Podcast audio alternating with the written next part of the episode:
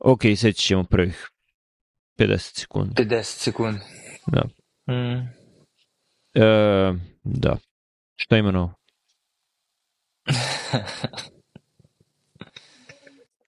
Nismo se videli sat i pol.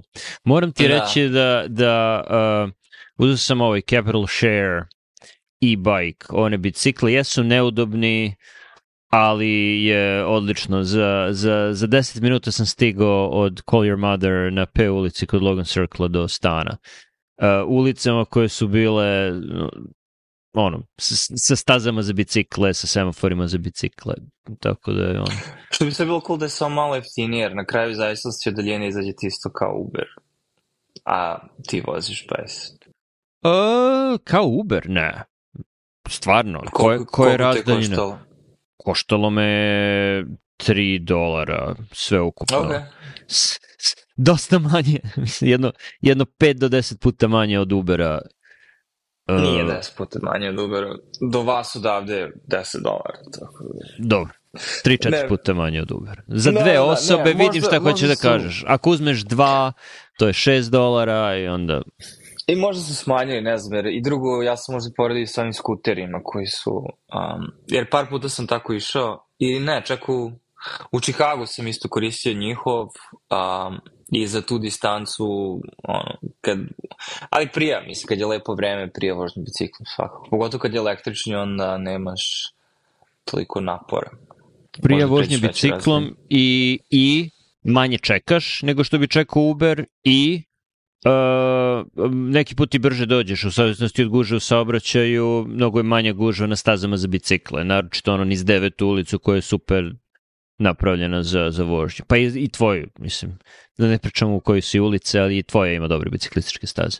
Da, da, da, ima dvosmernu biciklističku stazu. To je Mm. sa obe strane ulice je staza. Da, i za malo pomisliš da je DC uh, normalan grad, ali onda odeš u Evropu i vidiš kako izgleda pravi grad.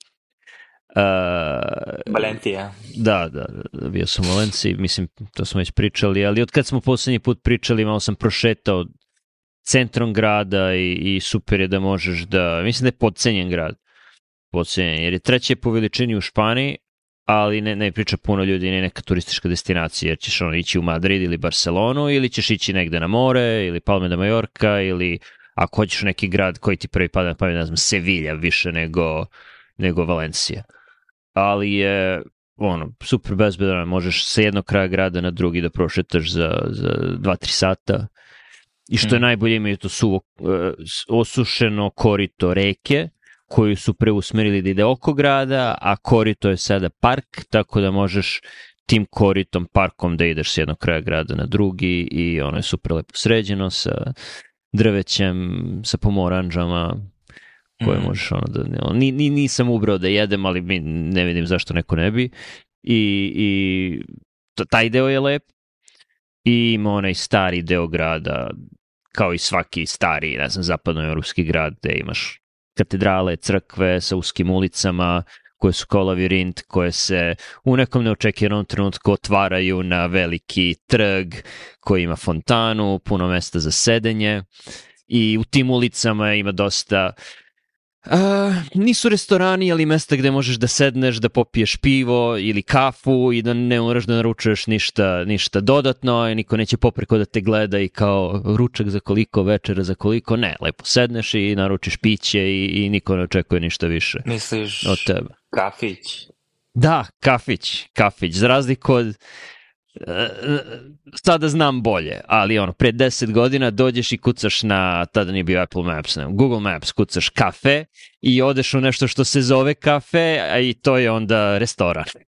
Ne znam da li si primetio, ali Amerikanci mnogo vole da, da, da nazovu restorane kafe, a nije kafić. Mm, mislim, uglavnom nije, nije, da, i uglavnom služe ono doručak i uh, pecivo ili tako neke ono manje stvari. Ne, čak ni to ne. Ti misliš na ono tipa uzmeš kafu za poneti kao Starbucks i to i, i ne, ali ima, ima još više ima restorana koji su pravi restorani koji sebe zovu kafejima. Ako ima kafe Mm. u nazivu, veće šanse da će biti restoran nego ne.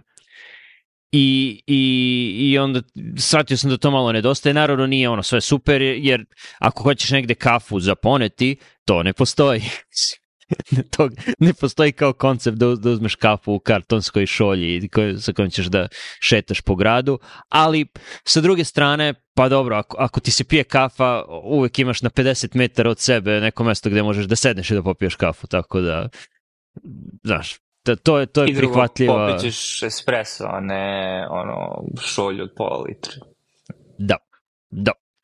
To je, to je prihvatljiva, prihvatljivi trade-off koji god smo srpski izraz uh, koriste za trade-off. Da, mislim, mislim da smo rekli cena um, kao neki približni za trade-off. A dobro, ali nije, Mm, nije smo- cena super prevod. Pa cena koju plaćaš za nešto što dobijaš, a sad, mislim, Mislim da bi približni termin bio kompromis. Sve je kompromis.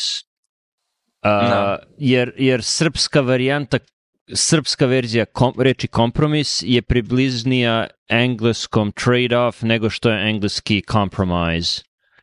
Tako da je to primjer lažnih prijatelja. Tako da je sve kompromis. Sve kompromis.